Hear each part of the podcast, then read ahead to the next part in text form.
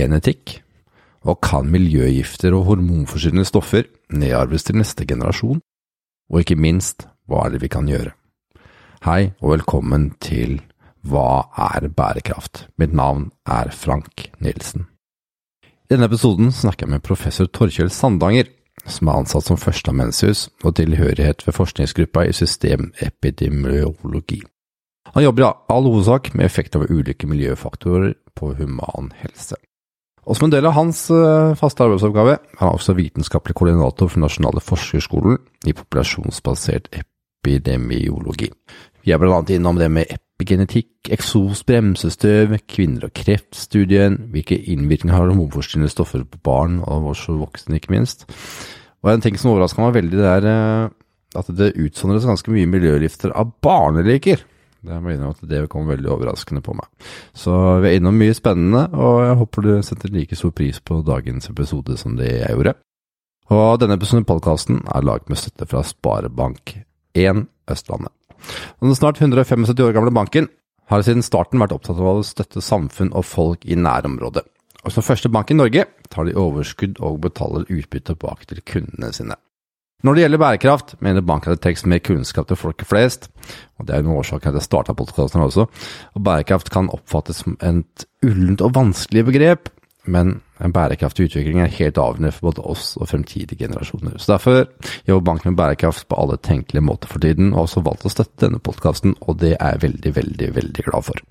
Så nå må dere kose deg så mye med dagens gjest, og tusen, tusen takk for at du hører på. Da ønsker jeg Torkjell Sandanger velkommen. Velkommen, Torkjell. Takk skal du ha. Først må jeg si at jeg er utrolig takknemlig for at du tok deg tid til å prate med meg. Du er midt i et flytteprosjekt til Frankrike, så tusen takk for at du tok deg tid, da. Jo, det er, lov, det er hyggelig å få lov å snakke om de tingene vi jobber med. Og hva er det du holder på med, Torkjell? Jeg jobber med mye forskjellig innenfor uh, miljø og helse, altså helseeffekter av det vi eksponeres for eh, der vi lever og måten vi lever på. Eh, så jeg jobber egentlig på litt med koblinga mellom, mellom eksponering, det som vi utsettes for av miljøfaktorer, og ulike helseutfall eh, på slutten. Og så, og så, bruker vi målinger i blod da, til å si noe om de molekylære endringene, eller endringen imellom eksponering og sykdom. Og nå i de siste årene så har jeg jobba veldig mye med, med, lungekreft. Hva er det vi ser der som vi eksponeres for, som vi, vi ser at det har en uheldig helseeffekt av? Nei, eh, lungekreft så er det jo tobakk, eh, selvfølgelig.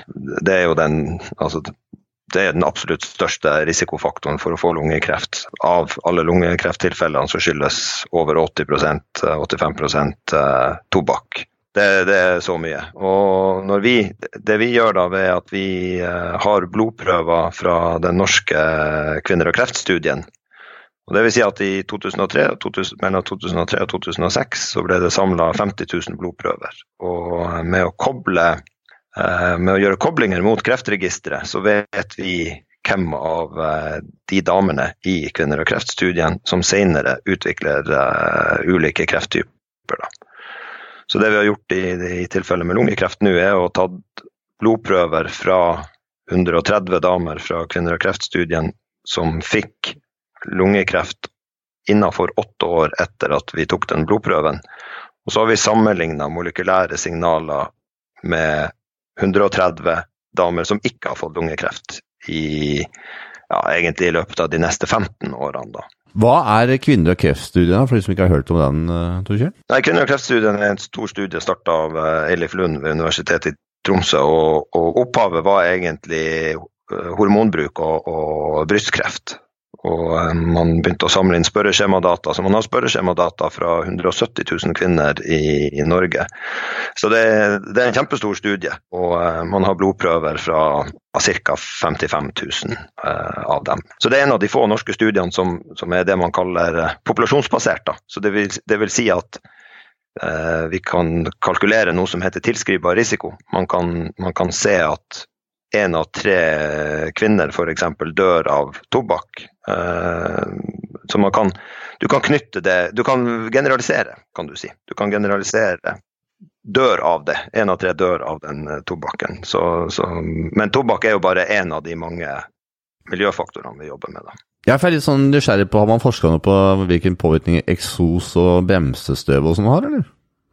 Det er det gjort veldig store prosjekter på i, i, i Europa og ja, verden totalt sett. Og, og man vet at uh, luftforurensning er en av de største uh, truslene uh, når det gjelder ja, altså både luftveisproblematikk, men også at, at folk dør tidligere pga. Luft, luftforurensning. Så det er helt klart. Men det, det er klart hvis du sammenligner luftforurensninga i Kina og Norge, så ligger ikke vi så veldig dårlig an her oppe, selvfølgelig. Selv om, selv om noen av byene har luftforurensningsproblematikk, særlig på vinterhalvåret da, med piggdekkbruk og sånn.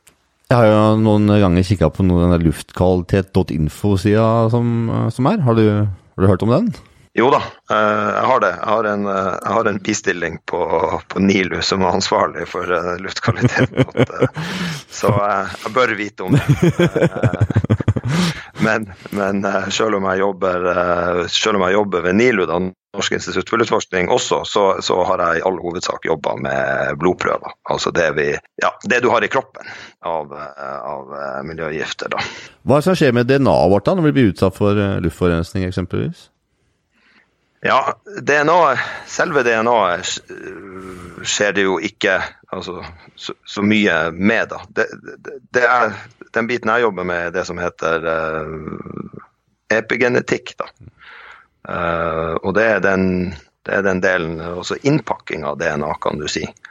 Fordi det som jo er veldig interessant, er jo at i cellene våre så er det jo nøyaktig det samme DNA-et. Så, så, når vi blir rundfanga og, og laga, så får du 50% av DNA fra mor og 50% fra far. Og så den kombinasjonen blir du.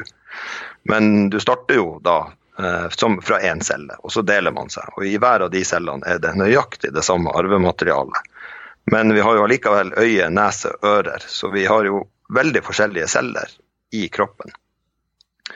Og eh, det er eh, bl.a. epigenetikken som styrer nettopp det her, hva som kommer til uttrykk av eh, gener fra det arvematerialet. Som gjør at du får øynene der du skal, og nesa og ører og ryggmarg og sånn.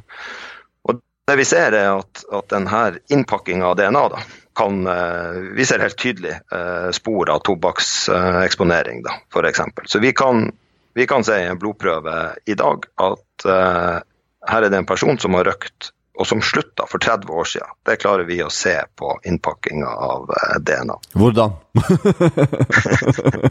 Nei, så Det er på de her metyleringspunktene. Så Jo mer man røyker, jo, jo, mer så får du strippa av av sånne ja, det, det er metylgrupper som sitter på DNA som hindrer at du, som, at du får danna gener eller uttrykt DNA-et. da. Og Hvis du da har røkt gjennom et langt liv, så, kan, så, ser vi at du har mindre og mindre av de her metylgruppene. Det høres jo litt komplisert ut, da, men og det er det jo. Vi er jo, Mennesker er jo ufattelig komplisert. Det er utrolig at det går bra. altså At vi blir, at vi blir relativt bra hver gang. da. Men det vi ser da er at jo mer du røyker, så får du færre og færre metylgrupper. Og, og det vi prøver å finne ut av da, er i hvor stor grad vi kan koble den biologiske endringa fra tobakkseksponeringa mot det at du får senere lungekreft. Såkalte risikomarkører. da. Epigenetikk, har det noe å si for nedarving til foster og sånn også, eller? På en, på en måte så har det nok det. Man, man, er ikke helt sikker på akkurat hva som skjer når, får, når et nytt foster dannes. Da. For da får du strippa av de her metylgruppene, men man tror at du, du får litt av mønsteret fra mor. da. At du drar med deg, at du arver eh, din, litt av din foreldres eh, livsstil. Så, så, eh, så, man kan se i blodprøver fra, fra ungdommer om eh, mora deres har røkt. Så eh, på en måte så, så, tar du med deg da en, en, en ballast fra, fra, det mor hadde gjort, som ikke var så bra i det her tilfellet, å, å røyke. da. For meg som kjenner veldig lite til det her, Kjell, så må jeg bare spørre. Jeg tenker Det er sikkert flere enn meg som tenker på det samme. Vi har jo hørt at DNA det kan man skru av og på. Man kan aktivere eller deaktivere uttrykk. Hvordan henger det sammen med det vi snakker nå om epigenetikk? Det, det, er akkurat det. Det er på- avskruing. Det er epigenetikken. Det er innpakking hvor mye det er innpakka, hvor lett blir det uttrykt, hvor lett tilgjengelig er det for det som man kaller transkribering, da, å uttrykke genene. Så det, det, er akkurat det som er. Så det er uttrykket som, som, som, endrer seg. Hva hvis vi eksempelvis spiser mat som er giftig, eller mye sprøytemidler eller andre typer ting? Har vi noe ja, man vet, man vet litt. Man, man, man, tror Jeg har jobba en god del med altså fettløselige miljøgifter. Det, du kan si det er stoffer vi, eh, som ble brukt, storskala brukt på 60-, 70- og begynnelsen av 80-tallet. Og man, man, ser at det er en viss sammenheng mellom endring i metylering og eksponering til de her stoffene.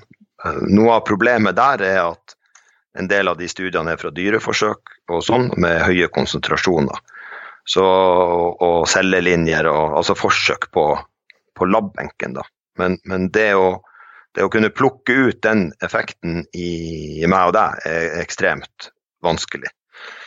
Sånn at epigenetikken er, tror man har en rolle der, og, og, det man ser er at det er kanskje særlig den eksponeringa i mors liv, altså det som fosteret er utsatt for, at, at uh, de effektene vil da forfølge en gjennom gjennom livet. Og da er det ikke nødvendigvis epigenetikk man er på, ikke sant? da er det hormonbalanse. du har det er jo da du danner eh, nervecellene dine, det er da altså alle nye organer dannes. Så det er klart, er det mange av de stoffene vi er eksponert for, er såkalte hormonforstyrrende stoffer. Eh, så det vil si at de, de, ligner på kroppens egne hormoner. Og da får du en forstyrra hormonbalanse i en veldig kritisk fase av, av utviklinga. Men det blir jo da også veldig vanskelig å vise den effekten, for den effekten kan komme da 40-50 år senere. Så, eh, så, det er ei lita nøtt, da. Og, og, og, nettopp det når det gjelder miljøeksponering og langtidseffektene av det. Ja, for jeg tenker Eksponeres tenker alltid fra luft til uh, sminke og den type ting. Det vel, uh, har du gjort studier på det, eller de som er utsatt for kvinner som bruker mye sminke og den type ting?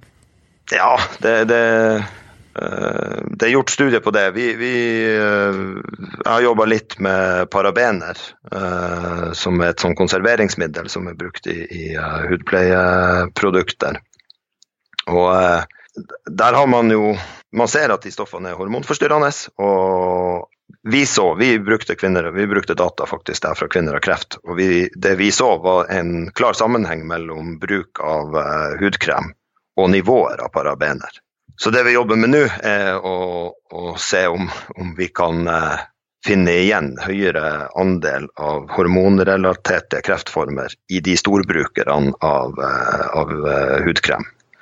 Men det har, ikke, det har, vi ikke, kommet i, i mål med ennå, så det blir, det blir, neste trinn. da. Men, men, men, der igjen, det meste av resultatene på de der stoffene, som, som jo fortsatt er i produksjon i dag, men man har begrensa bruken av dem, er at det stammer fra dyreforsøk. Og, og, eh, det viser seg gang på gang at det er, en, det er, ikke så bra å sammenligne resultatene fra rotter og mus med det vi finner i folk. For, for folk er egentlig ganske, vi er egentlig ekstremt robust. Vi har eh, utrolig effektive reparasjonssystemer og, og sånn, men, men eh, det, det, det, vi altså, prøver å løfte opp, er det her såkalte føre-var-prinsippet. At, at, hvis det er sånn at vi er eksponert for en cocktail av, eh, av, potensielt farlige stoffer, så skal ikke det være sånn at vi må bevise at det her er faktisk skadelig for meg og deg før ting fases ut. Men, men man må heller tenke sånn at nå begynner summen av alt det eh, vi har i kroppen å bli såpass stort at med tanke på at hver og en av de stoffene kan ha en, en svak hormonforstyrrende effekt, så tar man ikke sjansen. Og så prøver man å finne andre stoffer som ikke har de negative egenskapene. Men forstår jeg det riktig da med at miljøfaktorer faktisk kan nedarves, eller? Ja, du kan jo si da i, i, uh, Det vil ikke nedarves Altså Jo, på en måte kan du si det. Man, man, uh, uh, man ser det i, i dag at, at hvordan mor har hatt det under graviditeten f.eks., har veldig mye å si på livsutviklinga til, eh, til, det barnet. Og eh, det har vært eh, det er noe som heter distylbestrol, som, som er et hormon som ble gitt jeg tror det var mot kvalme til gravide. Ikke i dag, 60- og 70-tallet tror jeg det var. Og da så man at deres barn fikk da problemer med å bli gravid. Sånn at, men det var jo et kraftig hormon da, i forhold til, uh, i forhold til uh, de miljøgiftene vi utsettes for. Og det var også, det var også misdannelser. I, i, det er også sett misdannelser i forbindelse med hormoneksponering. Er det noen mulighet for å bli kvitt disse tungmetallene når de først har kommet inn i kroppen, f.eks. bly? eller? Ja, uh, det er det. halveringstida på, på bly er ikke så veldig lang. Der er det snakk om eh, Nå husker ikke jeg akkurat bly. Kvikksølv så er det noen måneder, og jeg tror eh, bly ligger i det, i det samme området. Så, så hvis, du, hvis, du, slutter å, eh, å, spise mat som inneholdt bly, så vil ikke det gå så veldig lang tid før du var kvitt det. Så, så, så det er jo på en måte veldig heldig da, at de stoffene forsvinner. Mange av de andre fettløselige stoffene bruker jo veldig veldig lang tid på å, å brytes ned. Og PCB og dioksiner er eksempler på det. Uh, sånn at, og der tar det ja, Man bruker begrepet halveringstid. altså Hvis du, hvis du fjerner enhver eksponering, så ville du, det gått ti år før du har klart å halvere konsentrasjonen, da, f.eks. Eh, det vil si at vi blir aldri, vi blir aldri kvitt dem. da det, det, vil alltid, det, vil alltid, finnes PCB i kroppen din. Hvor er det vi blir mest utsatt for PCB? I dag så kommer det fra kostholdet generelt. Det kommer både fra kjøtt og melkeprodukter og fisk. Fisk har fått veldig mye oppmerksomhet, og da særlig feit fisk, uh, når det gjelder PCB og dioksiner og dioksinlignende PCB-er, men også uh, det som heter klorerte pesticider. pesticid. Og, eh, men der har nivåene gått eh, ned i miljøet da, etter at man har fått fasa ting ut og man har Stockholm-konvensjonen som gjør at man stopper å produsere de her stoffene. Så, så det vi ser i dag er at konsentrasjonene i, i, både i folk og i det vi spiser er ja, 15% av det de var på slutten av 70-tallet, begynnelsen av 80-tallet. Så det er en betydelig nedgang, og, som jo er veldig veldig bra. da, Å se resultatene av eh, internasjonale forbud. Det her er bare en tanke fra min side som jeg ønsker å lufte med deg. Det som skremmer meg litt, da, at jeg syns vi veldig ofte virker til å finne en god løsning til noe, og så kjører vi på uten egentlig å sjekke langtidseffektene på alle andre ting som vi ikke har tenkt på. Eksempelvis sånn så ser vi at det er mange som forsker på dette med hva vi kan gjøre i forhold til den globale, globale oppvarminga vi, har. Og I den uh, forbindelse så var vel nå en, uh, noen Harvard-forskere som nå skulle se på dette med å bruke salter tror jeg, ut i atmosfæren for å prøve å få eh, begrenset av solstrålinga. Og så tenker jeg at hm, ja, det kan godt hende det funker en liten studie, men hva vet om alle disse langtidseffektene vi ikke vet om ennå? vi er ganske flinke som mennesker til å kjøre på med ting vi ikke vet alle langtidseffektene av. Ja, det er, og det er, det er veldig skummelt. og Det, det, er, derfor, det er, derfor, vi prøver å, å bruke føre-var-prinsippet. Og du kan si, hvis, hvis, vi bruker det vi ser på epigenetikken nå, og Eh, ja, jeg er født i 1972, og vi som ble født i den perioden der, vi ble utsatt for de høyeste nivåene altså mens vi var foster. På slutten av 70-tallet og begynnelsen av 80-tallet så var de høyeste nivåene av eh, PCB og DDT som er, som er målt i norske befolkning, som eksempel. Det, det vil være mange andre land det vil være likt for. Og hvis man tenker epigenetikk, tidlig livseksponering, så kan det godt hende at det går kjempe, kjempelang tid uh, før man ser en effekt på kreft, f.eks. Så i ytterste konsekvens så kan du se for deg at, at, vi ser en effekt på økning av noen type kreft om 20 eller 30 år, altså 20 år til.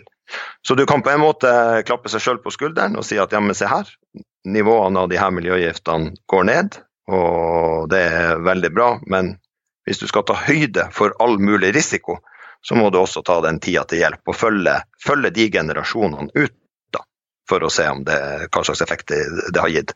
Og Man ser jo i dag at, at fertiliteten er, er, på et lavmål. Det er jo mange grunner til det. da. Vi utsetter jo å, bli, å få barn eh, til man er rundt 30 eller litt over 30, sånn at måten vi lever på har noe å si, men, men sædkvaliteten har jo gått ned i, i verden. Jeg tror ikke vi er litt inne på den cocktaileffekten som du nevnte på i stad. Vi har jo disse faktorer som du forsker på, så har vi på en måte alle andre typer faktorer som andre eh, forsker på. Så vi har, det begynner vi å få en ganske god cocktaileffekt på mange typer forurensninger. Det kan vel ha innvirkning på mye som vi ikke vet ennå?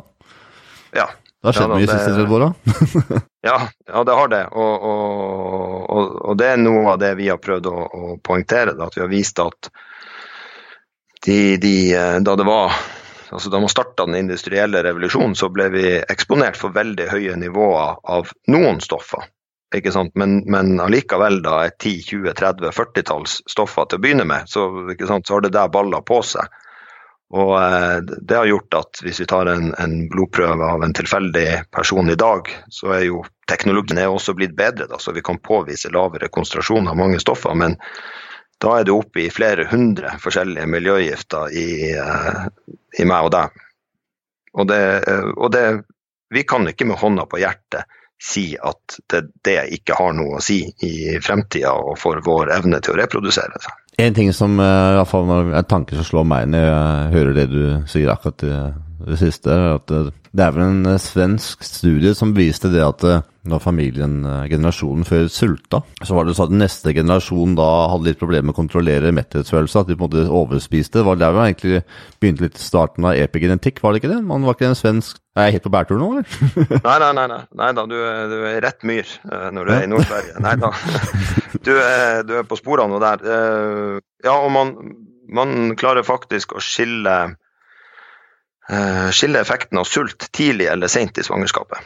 Uh, sånn at uh, Det er det gjort studier på i Nederland også, hvor det var noen isolerte byer etter andre verdenskrig. og det man så at, og Nå skal jeg prøve å ha tunga rett i munnen. altså De som, de som sulta tidlig i svangerskapet, men fikk mata mot slutten av svangerskapet, de fødte normalvektige barn, men, men, en mye høyere andel av dem utvikla fedme senere. Mens de, de, som da sulta mot slutten av svangerskapet, fikk små barn som aldri nådde sitt vekstpotensial. At de forble undervektige og, og, og, vokste ikke så mye som de skulle gjennom sitt voksne liv. Da. Så det, det, er helt rett. og da, det, det, der tror man jo er epigenetikk. Da tenker jeg at det her er jo bare en sånn et bevis på hva, hvordan sult har innvirkning på hvordan barn utvikler seg. Tenk om man har 100 forskjellige miljøfaktorer som man ikke vet resultatet av. ja. Det er spennende, da! ja, det, det, er en, det, er en komplisert, det er en komplisert øvelse. jeg leste også når jeg gjorde litt research på det, at eh, jeg kan redusere risken for type 2-diabetes med å spise fisk med litt mindre fett. Hva er grunnen til det? Uh, ja, vi har gjort et studie på har, Jo da, uh, vi har gjort et studie på, på uh, Studien var egentlig på det med, med, med feit fisk og diabetes, fordi feit fisk som kilde til miljøgifter og man, man har drevet og sagt at Eller studier fra, igjen da, fra rotteforsøk viser at mus får diabetes av å eksponeres for miljøgifter. Så, så, så vårt utgangspunkt var å adressere det man har visst i dyreforsøk, og se om feit fisk eh, ga noe som helst økning i eh, antallet diabetestilfeller. Og det var overhodet ikke overhodet ikke tilfellet i, i, den norske kvinner og kreft-studien. Og Det vi så da når vi delte opp i, i mager og feit fisk, for en, det er viktig å huske at en fisk ikke er en fisk, det er veldig stor forskjell på ja, Både når det gjelder miljøgiftsnivået, så vil en feit fisk ha, ha eh, mye høyere nivå. Altså en, en oppdrettslaks i dag den har 14% fett. Uh, når det er i fileten. En torskefilet har halvannen prosent fett. ikke sant? Den har mellom 1 og 3 fett. Så det, det, er jo nesten ikke fett i en, i en torskefilet. Og da er det heller ikke fettløselige miljøgifter der.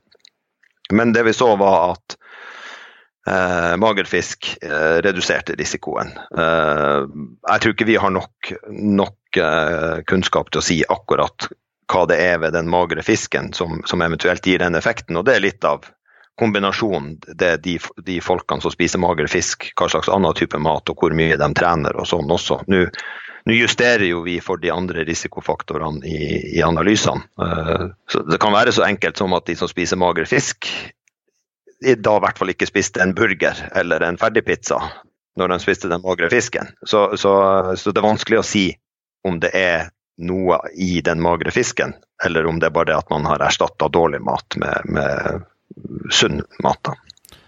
Du holder nå på med et nytt forskningsprosjekt som kan avsløre lungekreft på et tidlig tidspunkt. Torkjell. Hva er den går ut på? Ja, der, Det er der vi jobber med, med, Vi bruker de blodprøvene fra som jeg sa litt innledningsvis her, fra, fra den norske kvinner- kreftstudien. da. Og så prøver vi å følge Epigenetikken er, er ett nivå, da, hvor vi ser på DNA-metylering. Og så ser vi på selve genuttrykket, som er mRNA.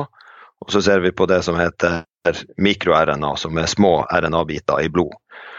Og så har vi samla Det er et stort internasjonalt studie. så Vi har kvinnekreftstudien, kvinner-kreft-studien, Vi samarbeider med Hunt-studien i, i, Trøndelag, en lungekreft biobank der nede. Vi samarbeider med et uh, italiensk studie og et NSHDS, et studie i Umeå. Så vi samler blodprøver fra masse kohorter, da, og så ser vi hva slags signaler vi kan se i blod før en person får lungekreft.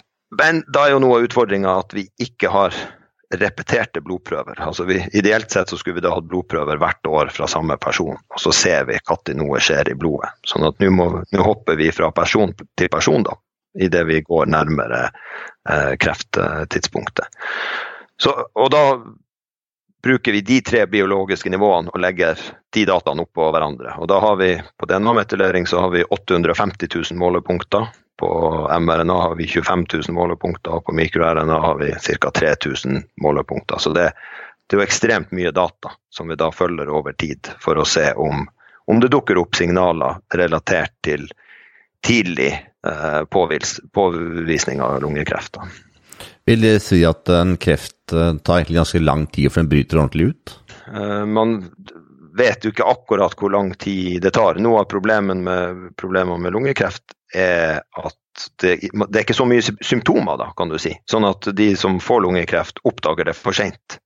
Så da er det vanskelig å vite om det var uh, at den har hatt ett eller to år eller et halvt år å utvikle seg på, men, men siden man ikke merker at den er der når den er påvist, så, så er det i altfor mange av tilfellene så har den allerede rukket å spre seg. Da. Altså Den har det som heter metastasert seg, så den har spredd seg til andre deler av kroppen. Den er ikke bare lokalisert i lungen og Derfor er overlevelsen eh, dårlig. Da. Så, så det er jo vår, vår, tanke da er at her skjer det ting, og det skjer da ting i blodet som er relatert til kroppens immunforsvar. Altså det at den, den kjenner jo at et eller annet er i ferd med å skje. Og så er spørsmålet om vi klarer å plukke ut de molekylære signalene. Og det er, en liten, eh, det er litt nåla i høystakken-jakt, eh, da. Men, men, det er jo veldig spennende. da. Tror du i framtida altså vi kan kunne se krefttyper på veldig tidlig tidspunkt kontra det vi gjør nå, eller? Ja da, eh, helt klart. Og, og, og, jeg tror at det, det, er et stort potensial. Nå kommer jo immunterapier seilende opp som, som, det viser seg å ha ekstremt god effekt i de tilfellene de har effekt.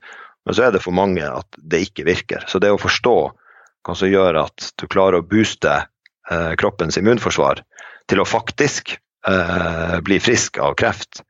Det der tror jeg det ligger informasjon om i de blodprøvene tidlig og, og altså, i ulike deler av livet. Da. Vi har bare ikke funnet måten å koble de dataene på.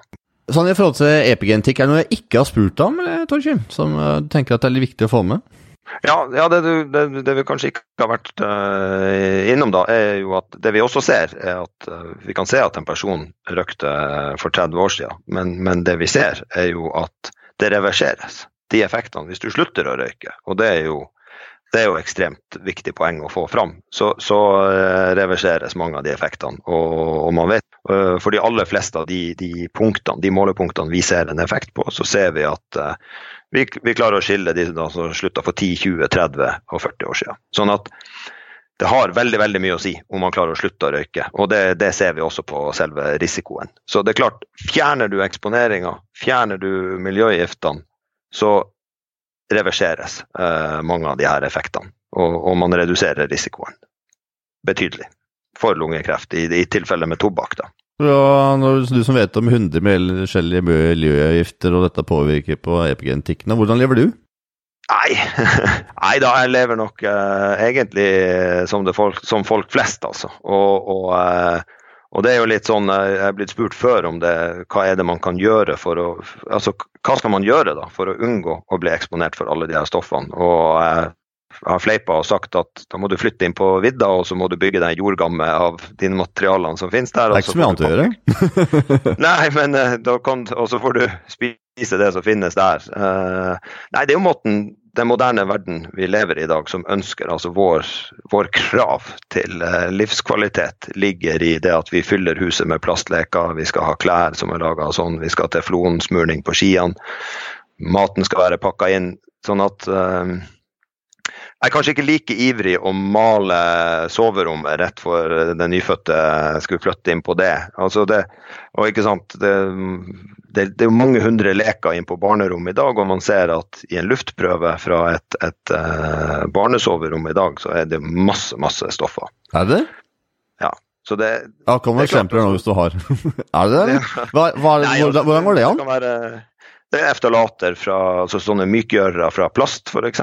Det, det har man jo fått mer og mer kontroll på. Uh, vi jobber med noe med som heter klorerte parafiner, som brukes også uh, overalt i, i uh, ja, bl.a. Altså isolasjon på ledninger og, og, sånn. Og en del av de støvprøvene vi tar fra kontorer og kontorlandskap har ekstremt høye nivåer av, eh, av klorparafiner f.eks. Og klorparafinene er litt likt PCB, eh, både når det gjelder kjemiske egenskaper og sånn. De har nok ikke samme potensial til å akkumulere i, i naturen som PCB hadde, men, men, eh, når det gjelder effekter, så bør man absolutt være oppmerksom, oppmerksom på det. Så det er litt sånn kvaliteten vi ønsker i livet som gjør at uh, vi eksponeres for mange stoffer. Dette blir litt sånn uhåndgripelig for meg, jeg tror unnskyld for det. Men jeg tenker at når det står en leke, da, en uh, plastikkleke borti høyre hjørne på et soverom til et barn, da tenker jeg at hvordan kan den der plastikkleka der som liksom står helt fast der, bli utsondret noe giftig ut i lufta når den står helt stille borti her? Hvordan går det an, da? Nei, det, det fordampes. Altså alle alle stoffer har et eller annet eh, damptrykk. Eh, noen stoffer er jo, fordamper mer, og noen stoffer fordamper mindre. og En del av de plaststoffene eh, vil fordampe. Og, og, Hva skjer å ta med dette i vann, da? For unger er veldig flinke til å ta med seg ting opp i badekar og sånn. Åssen er det da? ja, nei, du får ikke noe, du får ikke noe sånn akutte problemer. Det, nei, Var ikke det på langtidsvirkninger? Får man samme langtidsvirkninger av det, eller? Nei, men nå bør man sikkert ikke holde unger gjennom et helt liv i et badekar. nei. Jeg tror, det blir, jeg tror det blir veldig vanskelig å si noe om, om det, men nei. Føre var, hva jeg tenkte på. nei, men det er mer relevant i forhold til et soverom hvor da du får støv, og du, det gjør det jo vanskeligere å støvsuge. hvor du har, eh, Jeg vet ikke hva. Det er vel studier som har sagt at et gjennomsnittlig norsk hjem med barn har 300-400 leker. Og det er klart, ungene kryper jo på gulvet, babyer kryper på gulvet. Så en del av Studier i USA og også Europa har vist at noe som heter bromerte flammehemmere, som, bromerte flammehemmere, som forsinker eh, brann. Ja, skal gjøre at plast-PC-en vår ikke tar så fort fyr, sofaen ikke skal brenne så fort. Så det har jo en veldig viktig samfunnsnytte. At de konsentrasjonene de stoffene er ofte lavere i barn som, som kryper i gulvet, i støvet, og som spiser uh, husstøv. da. Ikke kanskje med viten og vilje, men får i seg, får i seg husstøv. Uh, hva anbefaler du da? Gå tilbake til sånn som det var på 50-tallet, da det var ikke, vi hadde begynt med den industrielle revolusjonen like mye ennå, og prøver å gjenbruke litt og sånn, eller? Ja, altså som sagt, det, jeg lever nok som de, de, aller fleste, kanskje noen flere trepanelvegger enn i, i moderne hus. Men, men, eh, nei, jeg tror gjenbruk er, er greit, ja. Altså det her med enorme fokus på, på, forbruksartikler, og da er det jo på miljø. altså Å tenke storskala, så, så, har jo det noe å si. altså Må man virkelig skifte ut den må man skifte ut den sofaen fordi at den ikke er inn eller fargen eller litt slitt, eller, eller kunne man ha levd med den sofaen noen år til? Og Det alene vil ha en direkte effekt på konsentrasjonene. fordi du, de, de, produktene slutter jo å avgi stoffer etter hvert. Sånn at de avgir mer stoffer til å begynne med, og så, og så går det litt, litt, ned. Så det tror jeg. Litt mindre krav til uh, nytt, hvor nytt alt rundt oss skal være. så det, det, gir meg en tankevekker på at hmm, er det, faktisk, er det, faktisk, sånn at mange av de tingene vi gjør og kanskje ikke tenker over, faktisk kan ha en innvirkning på arvegrunnlaget til både oss selv og til de som er rundt oss? Det har jo en det er jo en viktig faktor, da. Spør meg i alle fall. Ja, jeg, jeg tror det er, en, det er, en, viktig faktor, og det, det er viktig at, at, forbrukerne tenker over de, de tingene. Men vi tenker ikke sånn, iallfall ikke jeg. Jeg har ikke gjort det før nå. Nei, og ikke sant. Jeg gjør jo heller ikke det. fordi man, det, altså, og Poenget er jo ikke å spre panikk. Det Nei, poenget er jo ikke å få folk til å springe hjem og tømme huset sitt, for, tømme huset sitt for leker og skrape maling, malinga av, av, veggene, men, men eh, Det er det er litt sånn jo, men det er litt av press på, press på myndigheter og Mm. sånn. Altså det med, med, med god, eh, god politikk og en god global politikk når det gjelder stoffer som kan være potensielt hel- helseskadelige. Ja, gjøre bevisste valg. Det er også ligger mye Ja. At man tenker sånn før man gjør ting. Ja, det, også, og det, så, det så man når det gjaldt parabener. eh, at, at det at forbrukere begynte å be om parabenfrie stoff, bidro til at det, det, det ble større andel produkter uten parabener. Nå kan du si at det kom erstatningsstoffer som i noen tilfeller viste seg å være mer allergifremkallende. Men ja, så det der er jo, det er jo en rundgang, da. Men eh, Tusen takk for at du hadde tid til å prate med Torkjell. For min del i hvert fall en meget tankevekkende samtale. Leker og barnas leker og sånn fikk en litt annen uh, betydning. og litt annen tanke enn det de hadde i utgangspunktet. ja, du får ta lekene med inn på ditt rom. ja, jeg får gjøre det. Tusen takk for tida, Torkjell. Og så må du ha lykke til i Frankrike. da. Jo, takk. Takk skal du ha. Takk tur. for meg. Ha det.